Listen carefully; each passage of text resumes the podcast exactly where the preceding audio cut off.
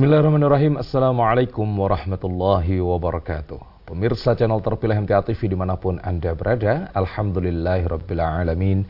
Segala puji dan rasa syukur kita hanya kepada Allah Subhanahu wa Ta'ala yang senantiasa memberikan nikmatnya kepada kita. Sehingga Alhamdulillah di pagi hari ini Allah masih memberikan kesempatan kepada kita untuk belajar ilmu agama di pagi hari ini dalam program Fajar Hidayah di channel terpilih MTA TV. Dan saat ini saya Ismail Abdullah telah bersama dengan narasumber kita, ada beliau Ustadz Dr. Setia Budi Santoso. Kita akan sapa beliau. Assalamualaikum warahmatullahi wabarakatuh Ustaz. Waalaikumsalam warahmatullahi wabarakatuh. Sehat Ustaz hari ini? Alhamdulillah. Alhamdulillah. Ya. Dan semoga Anda semuanya pemirsa juga diberikan kesehatan oleh Allah. Dan silakan untuk Anda nanti yang ingin bertanya di line telepon di 0271 679 3000 ataupun di SMS dan WA di 0811 2553000. Dan kita awali pagi ini dengan materi dari Ustaz Dr. Budi. Silakan Ustaz. Iya. Assalamualaikum warahmatullahi wabarakatuh. Alhamdulillah, alhamdulillah namatuhu wa nasta'inuhu wa nastaghfiruh wa na'udzu billahi min syururi anfusina wa min sayyiati a'malina. May yahdihillahu fala mudhillalah wa may yudhlil fala hadiyalah. Asyhadu an wa asyhadu anna Muhammadan abduhu wa rasuluhu amma ba'du. Qala Allah azza wa jalla a'udzu billahi minasyaitonir rajim. Summa auhayna ilaika anit tabi milata Ibrahim hanifa hanifa wa ma kana minal musyrikin para pendengar radio MTFM Persada FM juga beberapa siaran radio yang ikut menyiarkan Fajar pada pagi hari ini dan juga terutama para pemirsa MTA TV yang berbahagia. Mari selalu kita mengingatkan nikmat Allah, kita banyak diberikan kesempatan waktu kelonggaran kehidupan untuk kita isi dengan perbuatan yang baik dan juga kita diberikan kesehatan itu sehat adalah pemberian Allah maka kita syukuri. Termasuk kita mudah-mudahan pada pagi hari ini diberi hidayah oleh Allah. Pada pagi hari ini kita lanjutkan tentang perilaku kesehatan ya, yang selalu saya ulang-ulang. Penyakit fisik itu penyebabnya karena empat hal. Yang pertama karena lingkungan yang kedua karena perilaku. Yang ketiga nanti masalah pelayanan kesehatan dan yang terakhir karena uh, penyakit keturunan. Untuk perilaku banyak sekali ya sudah saya sampaikan ini mungkin yang kelima atau keenam itu ya tentang kebersihan tentang kemarin tentang uh, gosok gigi tentang perilaku perilaku kesehatan yang yang sudah saya terangkan pada pagi hari ini saya terangkan tentang hitan tentang hitan. Hitan itu adalah sunnah atau apa ya mengikuti sunnahnya Nabi Nabi Ibrahim. Ya. Sunnah Nabi Ibrahim antara antara berhitan. Kita pun diperintahkan oleh Rasulullah untuk meniru ya milata Ibrahim itu perilaku Nabi Ibrahim termasuk berhitan karena berhitan itu ya pembersihan tuh dalam hadis bahkan disampaikan oleh Rasulullah dari Abu Ayub ia berkata Rasulullah bersabda empat hal yang termasuk sunnah Rasulullah ya. Sunnah Rasul yang perlu kita itu adalah satu khitan. Yang kedua memakai minyak wangi-wangi berwangi-wangian. Yang ketiga bersiwak ya. Kemarin sudah saya terangkan gosok gigi. Yang terakhir menikah. Menikah juga termasuk uh, sunnah. Jadi kalau kita mengikuti Rasulullah sebaiknya tetap menikah. Tidak boleh kita bahasanya menjadi apa ya ya menjadi orang rohib-rohib untuk tidak menikah itu tidak mengikuti sunnah. Bahkan barang siapa yang tidak mengikuti sunnah falaisa mini artinya bukan golonganku. Ya, orang yang mengikuti sunnah itulah uh, golongan nabi. Tetapi kalau man rohiba li sunati falaisa mini barang siapa menyalai atau tidak mengikuti sunnah nabi itu bukan golonganmu. Nah termasuk sunnah tadi adalah hitan. Hitan itu sunnah, bahkan sunnah itu sudah dilaksanakan sejak Nabi Nabi Ibrahim. Dan nanti saya terangkan buka juga dalam riwayat Injil pun ada riwayat Yesus itu dihitan. Jadi Nabi Ibrahim berhitan, Yesus pun dihitan, Nabi Muhammad dihitan, ya, para sahabat-sahabat dihitan, nah kita pun mengikuti sunnah Nabi. Dalam rangka sunnah Nabi itu antara di uh, akhirnya pelaksanaan hitam. Nah untuk kita jelaskan namanya khitan atau mungkin dalam bahasa kedokteran namanya sirkumsisi. Nah, asalnya dari bahasa Inggris circumcision atau atau ya intinya tindakan memotong atau menghilangkan sebagian dari kulit penutup kepala atau penutup penis itu. Yang bahasa kedokteran namanya frenulum. Ya, frenulum itu dipotong atau di di eh, apa ya di dipotong atau mungkin dihilangkan. Itu atau di di kuliti sebagian boleh. Yang namanya khitan itu atau ada istilah namanya frenektomi itu itu menghi, me, melingkar. Artinya melingkar itu tidak hanya bahasa umumnya adalah hanya belakang saja namanya dorsektomi itu ya kurang kurang kuat itu. Yang paling bagus adalah di di lingkar itu. Di kebiasaan bahasa Arab orang-orang Arab ya biasa melaksanakan hitan itu. Lisannya orang Arab hitan itu dari kata katana al guloma wa al jariyata itu hitan. Hitan atau hitanah itu Kemudian dalam sunnah Rasulullah atau hadis Rasulullah yang lain itu diriwayatkan dari Abu Hurairah Rasulullah bersabda ada lima yang mungkin uh, juga ada lima perkara yang dikategorikan sifat subhat mulia bagi manusia. Tuh, yaitu pertama khitan, yang kedua mencukur bulu kemaluan, yang ketiga memotong kuku, yang keempat mencabut bulu ketiak, yang kelima menggunting kumis. Itu. Semuanya ini itu adalah dalam rangka fitrah dalam rangka bersihan. Hadis ini dalam riwayat Bukhari dan Muslim. Yang tadi empat itu mungkin yang empat tapi juga ada yang yang tadi saya sampaikan empat atau lima tadi itu. Hitam mencukur rambut memotong kuku ya, mencabut bulu ketiak dan memotong kumis itu semuanya untuk kebersihan.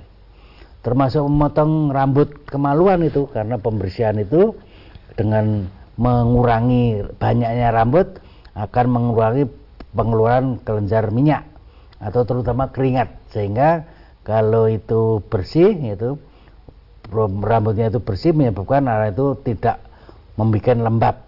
Kalau orang lembab itu mudah timbul bakteri atau kuman ya terutama juga jamur itu. Jadi gara-gara rambutnya lep, lep, banyak, kemudian melembab, banyak keringat dan sebagainya, itu bisa menyebabkan gatal, bengkak, kemerahan, bahkan mungkin penyebabnya adalah jamur. Maka sebaiknya bulu kemaluan itu hanya tipis saja, ya. Jadi untuk mencegah bersarangnya kutu bahkan itu. Tuh bahkan juga bau tidak sedap dan kotoran-kotoran yang menempel itu mungkin sisa-sisa kencing dan sebagainya. Maka termasuk itu kebersihan. Rambut kemaluan juga perlu dicukur untuk melihat penampilan. Itu. hadis Rasulullah yang lain itu lima perkara tadi di eh, hadis lewat jamaah itu sama mencukur bulu ketiak, mencukur bulu kemaluan, berhitan, mencukur kumis dan memotong kuku. Itu semuanya dalam rangka kebersihan ya. Dalam rangka ya selain nanti saya terangkan tentang hitan, tapi untuk mencukur rambut tadi, rambut kemaluan, mencukur kumis, mencukur bulu ketiak, memotong kuku itu dalam rangka kebersihan. Bahkan dalam sabdanya Rasulullah memberikan pelajaran kepada para sahabat. Dari Abu Hurairah Rasulullah bersabda Nabi Ibrahim Khalilullah berkhitan sesudah mencapai 80 tahun dan hitanya dengan kapak. Hadis riwayat Ahmad Bukhari dan Muslim. Jadi dalam riwayat itu Rasulullah itu menyampaikan Nabi Ibrahim itu sudah istilahnya sepuh sudah tua umurnya 80 tahun pun berhitan itu maka kita mengikuti hitan. Hadis yang lain seperti siapa engkau? Ketika Rasulullah ini ada pertanyaan dari Said bin Zuraid. Dia berkata eh, Ibnu Abbas ditanya Ibnu Abbas seperti apakah engkau pada saat Rasulullah meninggal? Nanti Ibnu Abbas itu ditanya kira-kira Ibnu Abbas itu seberapa? Ya. ia menjawab ya Ibnu Abbas menjawab saya pada waktu itu telah dihitan. Dan mereka tidak menghitan laki-laki kecuali pada saat dewasa. Artinya balik. Jadi istilahnya pada saat Rasulullah meninggal itu Ibnu Abbas pada situ ya masa balik lah. Masih anak-anak yang sudah menjelang dewasa mulai balik itu. Aku diberitahu tentang orang yang lain yang bersama dia eh, bahwa Rasulullah itu kepada orang-orang kepada para sahabat memberikan pelajaran. Buanglah daripadamu rambut kekafiran dan berhitanlah jadi tadi bulu kemaluan itu juga perlu dicukur di, dirapikan dan berhitanlah itu. Hitan merupakan sunnah Rasul.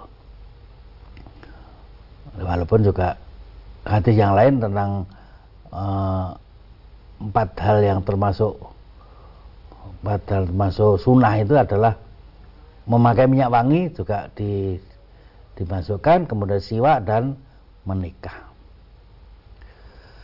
Dalam riwayat Injil saya, saya baca di di kitab Lukas pasal 2 ayat 21 itu apabila genap 8 hari ia bersunat. Lalu disebutlah namanya Yesus seperti yang dikatakan oleh malaikat sebelum ia dikandungnya di dalam rahim. Jadi setelah lahir umur 18 8 hari Yesus dihitan. Di lain Lukas ya, Lukas juga pasal 1 ayat 59 sampai 60 itu maka pada hari ke-8 datanglah orang-orang untuk menyunatkan kanak-kanak itu dan tidak menamakannya dia Zakaria Nah, Jakar itu bapaknya Maryam itu eh, bukan bukan Yesus tapi namanya seperti menurut bapaknya. Maka sahut ibunya, ia berkata bukan begitu melainkan ia akan dinamakan Yahya. Jadi ini yang paling utama umur 8 hari Yesus tadi dihitan. Kemudian apa fungsi dihitan itu secara kedokteran maupun tadi kalau secara agama nama sunnah Rasulullah ya. Kita mesti secara Rasulullah itu berkitan kemudian secara kedokteran yang pertama melindungi radang pada batang penis. Jadi radang-radang itu bisa hilang gara-gara di hitan sebab dengan dihitan itu ya bahasa saya kulit-kulitnya keras atau kuat sehingga tidak mudah uh, kemasukan kuman tidak mudah peradangan dan juga melindungi peradangan pada saluran kencing. Sebab kalau istilah saya penis itu kotor itu kemudian ada kuman masuk ke dalam saluran kencing menjadi infeksi saluran kencing. Termasuk melindungi penyakit-penyakit kelamin itu. Karena dengan hitan itu tadi kan menjadi e, kulitnya kepala kepala penis itu tadi keras sehingga tidak mudah ada kuman tidak mudah ada penyakit kelamin. Bahkan adanya kanker buah zakar. Sebab salah satu teori kanker itu bisa sebagai akibat dari tidak bersihnya kepala penis. Artinya ya misalnya yang yang paling jelek kan kalau tidak kita itu ada kotoran putih-putih itu ya. Bahasa kedokteran namanya spekma itu. Itu membuat ya antara lain membuat mudah terjadinya kanker. Dalam penelitian mereka-mereka yang kanker penis itu ternyata yaitu tadi tidak khitan itu jadi dan tidak khitan. Juga menghindari kanker leher rahim pada wanita. Jadi bagi wanita-wanita yang punya suami suaminya tidak khitan itu membahayakan karena dia uh, terkena kanker leher rahim. Loh mengapa teori ini saya sampaikan? Karena dari para wanita yang kanker leher rahim itu diteliti kebanyakan di antara yang kanker leher rahim tadi suami-suaminya tidak berhitan sedangkan suami-suami berhitan ya uh, dia jumlahnya yang kanker leher rahim berkurang. Maka laki-laki berkhitan itu jarang tertular infeksi menular, terutama infeksi hubungan seksual dibandingkan mereka yang belum berkhitan itulah. Jadi itulah yang dimuat dalam jurnal pediatrik. Eh, bahkan beberapa studi bisa mengurangi HIV, AIDS, pilis, borok-borok pada kelamin hasil tersebut karena e, bercampur dengan penyakit-penyakit menular yang lain. Penyakit karena hubungan seksual. Tentang usia khitan itu tidak ada ketentuan kapan-kapan. Tuh, kebanyakan memang tadi dalam hadis ya yang balik itu sebelum balik itu sudah dikitan. Tapi misalkan awal tadi Rasul apa Yesus tadi 8 hari itu. Lah kapan kita khitan ya ter, ter, dilihat. Ya memang yang paling bagus kita balik tadi. Tapi misalkan ya, ya ada penyakit misalnya terutama kalau pintu apa ya put, preputiumnya tadi ada uh, kulit di depan penis tadi terlalu kecil ya akhirnya air kencingnya tidak bisa lancar itu mungkin segera dihitan. Walaupun umurnya mungkin baru 8 hari tujuh hari ya. bahwa ketahuan istilahnya ada kelainan dalam dalam apa prebutium namanya. Prebutium itu uh, kulit penutup kepala penis itu sampai itu itu perlu segera di dikitan. Memang yang kalau tidak ada apa-apa sehat-sehat saja ya kira-kira umur 10 tahun sampai 15 tahun lah. Sehingga ya istilahnya apa ya pas sudah lumayan dewasa sudah mendekati mendekati balik ya. Kalau sudah balik segera dihitan. Adakah wali matul hitan itu. Ya, matul hitan para sahabat kalau diundang matul hitan tidak datang karena apa? Kami dahulu pada masa Rasulullah tidak ada wali matul hitan maka saya tidak mendatangi matul hitan dan tidak ada undangan untuk wali matul hitan tidak, tidak dicontohkan tidak ada riwayat tuh karena khitan itu ya pembersihan tadi. Bahkan banyak di antara kita itu ya yang penting datang ke dokter eh, ke mantri dikitan selesai. Bapaknya membelikan apa ya mungkin baju bagus memberikan makanan monggo. Tapi tidak ada istilah walimatul khitan itu. Ada beberapa hadis yang seolah hitannya Hasan Hussein hitannya itu hari ketujuh. Itu bayi hari ketujuh. Itu ternyata hari ini kebanyakan adalah lemah. Jadi tidak bisa dipakai untuk untuk dalil itu. Kemudian hitan pada wanita. Ya hitan pada wanita itu mereka mendasari terutama hadis yang tentang bertemunya dua hitan wajib mah mandi. Hadis riwayat Tirmidzi Ahmad Sohe jadi karena hadisnya punya bertemu dua khitan maka dipakai untuk dasar wanita pun berkhitan hadis yang lain apabila laki-laki duduk di empat anggota badan dan khitan menyentuh khitan maka wajib mandi. Maka memang kebanyakan dari kalau di Indonesia itu mazhab Syafi'i memang wanita pun ber, berkhitan secara kedokteran memang ada uh, apa ya istilahnya yang dianukan itu. Tapi karena hadisnya tidak begitu meyakinkan hadisnya lemah tadi ya tidak wajib bahasanya tidak menjadikan sunnah.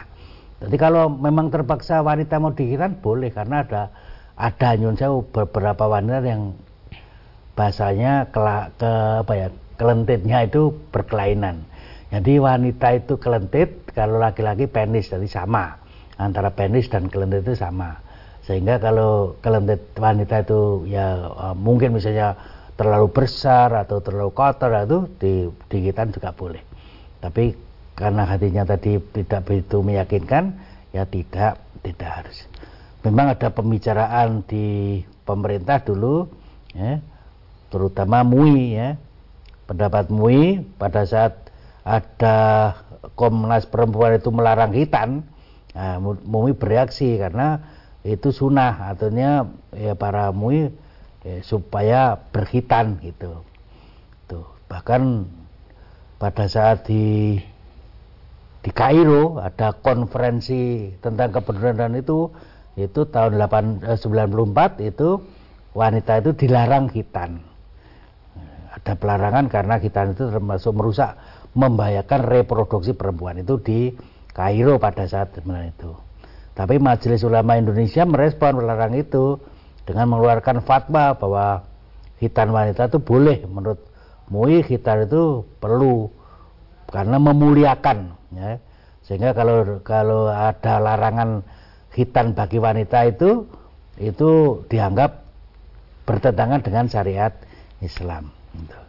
Dari keputusanmu itu Menteri Kesehatan mengeluarkan uh, keputusannya peraturan Menteri Kesehatan nomor 1636 tahun 2010 sehingga eh, dulu ikut-ikutan melarang khitan wanita karena MUI Indonesia ya maunya boleh uh, khitan wanita maka Permendikbud itu merinci beberapa cara tahap berdawat untuk melaksanakan sunnah bagi apa hutan bagi wanita itu untuk dalam rangka perlindungan sesuai dengan ketentuan agama dan sesuai dengan kesehatan.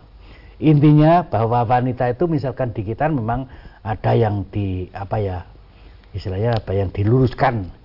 Tapi kalau secara umum tidak harus, artinya tidak sunnah, tidak tidak karena hatinya tidak begitu kuat tadi. Tapi kalau kalau mau hitan juga ada, artinya ada yang bisa dihitan.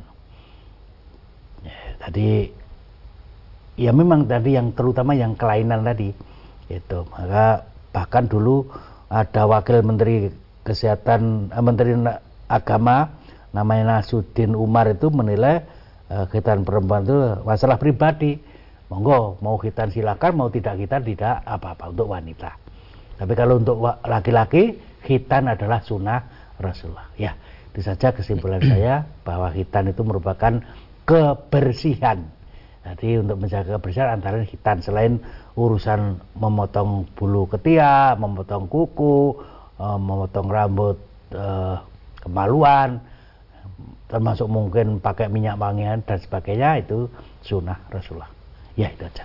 Iya, baik demikian ya pemirsa tentang menjaga kebersihan dan juga kesehatan dan silakan untuk Anda nanti yang ingin bertanya di telepon di 0216793.000 ataupun di SMS dan WA di 08112553000. Namun sebelumnya kita akan jeda dan kembali setelah pariwara berikut ini. Pemirsa channel terpilih MTA TV di mana pun Anda berada kita masih dalam program Fajar Hidayah di pagi hari ini dan masih bersama dengan narasumber kita Ustadz Dr. Setiabudi Santoso dan silakan untuk Anda yang ingin bertanya di line telepon di 02716793000 ataupun di SMS dan WA di 08112553000 dan tadi tema kita adalah tentang menjaga kebersihan dan kesehatan, terutama tentang khitan. Baik, sudah ada yang bergabung di line telepon kita akan sapa. Assalamualaikum warahmatullahi wabarakatuh. Assalamualaikum warahmatullahi wabarakatuh. Waalaikumsalam warahmatullahi wabarakatuh. Baik, alhamdulillah. Dengan siapa di mana ini?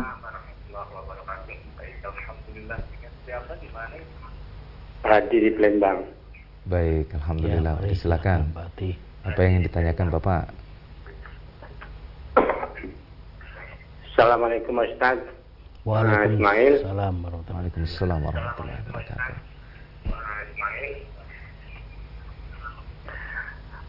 Kini Ustaz mau tanya masalah hitam itu tadi. Ya.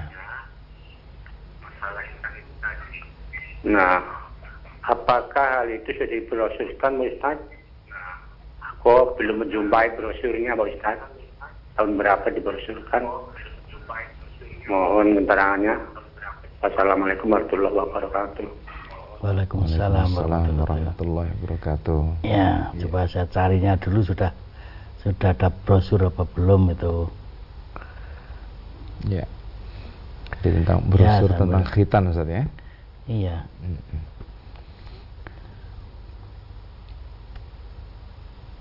Sudah. Hmm, Jadi ya. contohnya di ini saya bacakan ya nanti dicari tahun berapa di di anu itu. Ahad 28 Juli 2002 itu. Brosur nomor 1140 tentang hitan itu.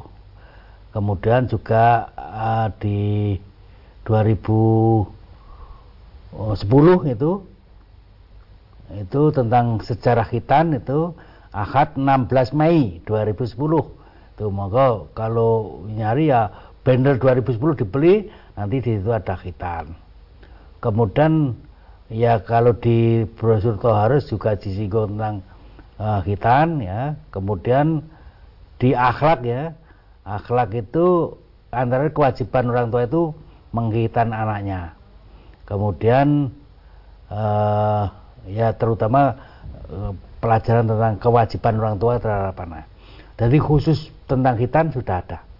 Di 2000 baik 2010 maupun 2002 itu iya. Yeah. tentang hitan Ya baik betul ya Pak Adi ya. Jadi tahun 2002 dan juga 2010 barangkali bisa di beli bendel brosurnya Ustaz ya? Iya. Iya baik. Insya Allah ada dana khusus membahas tentang iya, hitan ada. Misalkan dari jauh boleh lewat online lah iya. beli di nanti dikirim dari sini Ya baik begitu ya Pak Hadi dari Palembang sudah bergabung dan silakan untuk Anda yang ingin bertanya secara langsung via telepon di 02716793000 ya. Dan kita akan bacakan satu pertanyaan di WA yang sudah masuk ini Ustaz dari hamba Allah di Wonogiri. Kalau bulu kemaluan dicukur sampai bersih ini baik apa tidak begitu Ustaz? Boleh baik. Karena dengan dengan bulunya yang tidak ada bersih tadi itu ya tadi ke, kemaluan itu kering. Artinya tidak tidak lembab itu. Tapi bagi mereka yang bulunya banyak itu karena tidak pernah dicukur akhirnya lembab. Kalau lembab itu memungkinkan bakteri-bakteri kuman-kuman bahkan jamur itu bisa hidup itu walaupun memang ada orang-orang tertentu mungkin ya bahasanya ya jangan dihabis semua lah. Jadi karena untuk ya apa ya untuk kenikmatan suami istri misalnya itu ya tidak dihabiskan semua.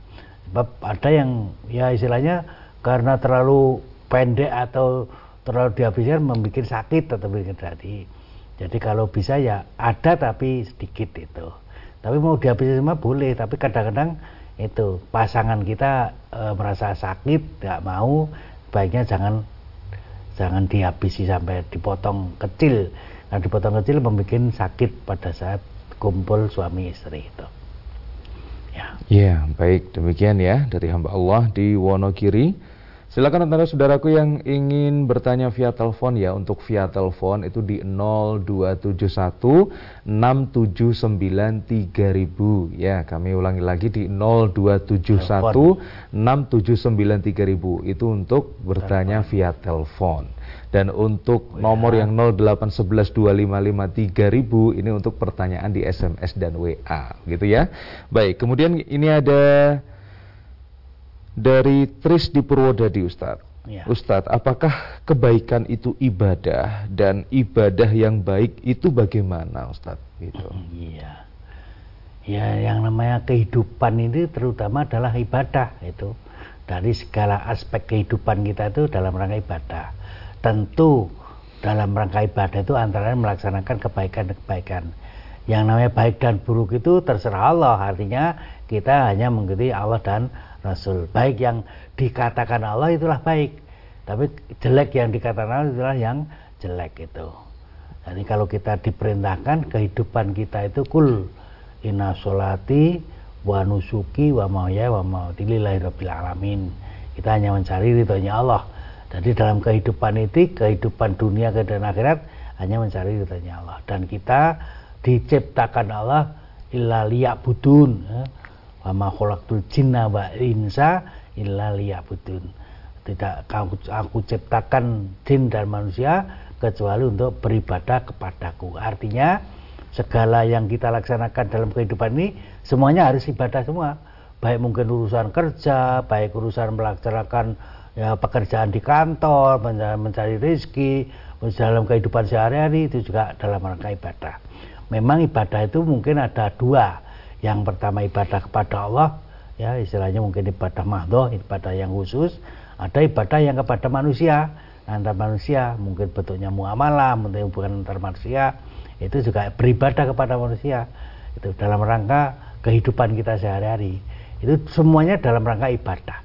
Nah, ibadah itu tentu kebaikan. Baik kepada Allah itu artinya ibadah khusus tadi atau kebaikan pada manusia, ibadah umum, ibadah dalam kehidupan sehari-hari. Kalau dikatakan itu kebaikan memang uh, segala yang kita laksanakan untuk Allah tentu kebaikan. Segala yang kita laksanakan untuk manusia juga merupakan kebaikan. Jadi semuanya dalam rangka beribadah kepada Allah walaupun mungkin dalam kehidupan dunia termasuk kita kerja itu ya mencari rezeki itu dalam rangka ibadah bahkan seorang suami mencari harta untuk menghidupi istrinya itu ibadah karena dia bertanggung jawab punya istri itu. Dalam rangka istri itu taat pada suaminya berbakti pada suaminya berbakti pada orang tuanya itu ibadah. Tuh. Memang seorang istri tidak ada kewajiban untuk mencari nafkah. Nanti kalau mencari nafkah tidak harus. Tapi berbakti kepada orang tua berbakti pada suami harus dilaksanakan. Itu ibadah. Hubungan antar manusia kepada suaminya kepada uh, orang tuanya mungkin juga kepada tetangganya mungkin juga kepada teman sejawatnya dan sebagainya itu ibadah dalam rangka berhubungan baik antar manusia. Kemudian secara khusus kepada Allah itu juga ibadah. Ibadah suatu kebaikan pada Allah itu. Ya kalau dikatakan kebaikan itu ibadah ibadah itu ya memang perbuatan baik yang dituntunkan oleh Allah dituntunkan oleh Rasul. Ya itu. Ya baik demikian Kemudian dari Pak Ihsan di Klaten, Ustadz, apakah ada doa khusus untuk anak yang baru dikhitan, gitu, Ustadz?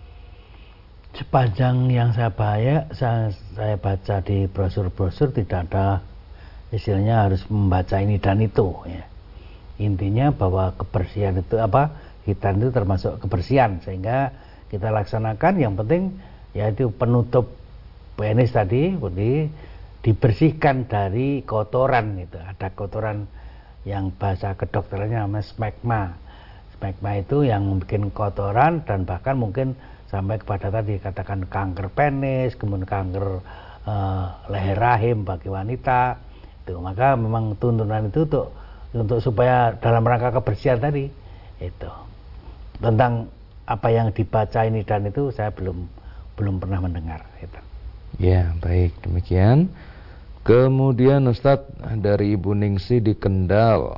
Ustadz mau tanya, suamiku PNS sudah meninggal. Apakah uang pensiun yang saya terima tiap bulan sebagai janda itu sah dan halal Ustadz? Terima kasih atas penjelasannya. Begitu. Iya, jadi kita sebagai seorang istri kemudian ikut suami dan memang suami tadi punya kewajiban menafkahi istri, kemudian suami tadi meninggal. Padahal suami tadi punya gaji, ya, setelah punya gaji ternyata setelah meninggal suami tadi tetap diberi gaji. Bentuknya pensiun. Maka kalau seorang istri mendapat pensiun suaminya meninggal itu sah saja kalau saja. Boleh lah memang. Nah itu dalam eh, istilahnya pertanggungan sebagai pekerja atau mungkin sebagai karyawan atau sebagai pegawai itu. Bagi mereka yang uh, umurnya ya misalnya umur sekian atau mungkin masa kerjanya sekian itu punya hak pensiun itu tapi kalau ada orang yang yang tidak mendapat pensiun gara-gara belum saatnya atau memang uh, umurnya belum belum memenuhi syarat ya misalnya baru saja itu ya ya tidak dapat. Tapi kalau seorang istri dapat pensiun gara-gara suaminya seorang pegawai atau mungkin bahkan PNS misalnya kalau kita dapat pensiun itu halal sah boleh. Karena dia sebagai tanggungan suaminya. Suaminya sebagai karyawan atau sebagai pegawai tadi mendapat gaji. Pada saat hidup dia dapat gaji rutin ya dipakai untuk anak istri dan sebagainya. Setelah meninggal mendapat pensiun berarti pensiunnya menjadi haknya istri. Halal sah.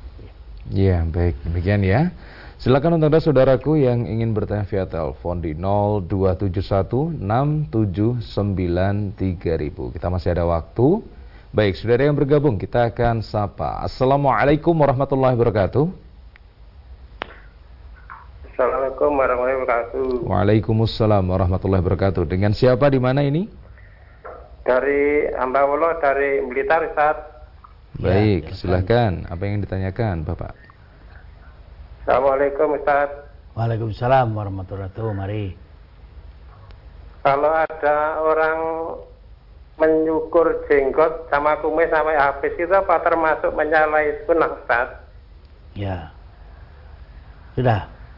Itu aja ya. Terima kasih. Assalamualaikum warahmatullahi wabarakatuh. Waalaikumsalam warahmatullahi wabarakatuh. Yang saya terangkan tadi beberapa hadis tadi tentang mencukur kumis. Jadi mencukur kumis dirapikan, bikin bagus itu juga sunnah.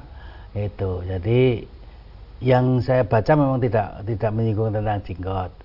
Memang mungkin orang sering ribut perkara kumis dan jenggot itu perkara zaman Nabi Rasulullah itu supaya kamu berbeda dengan orang Yahudi atau Nasrani maka cukurlah jenggot apa, apa cukurlah kumis pelihara jenggot itu. Itu ya bagus boleh saja mengukur.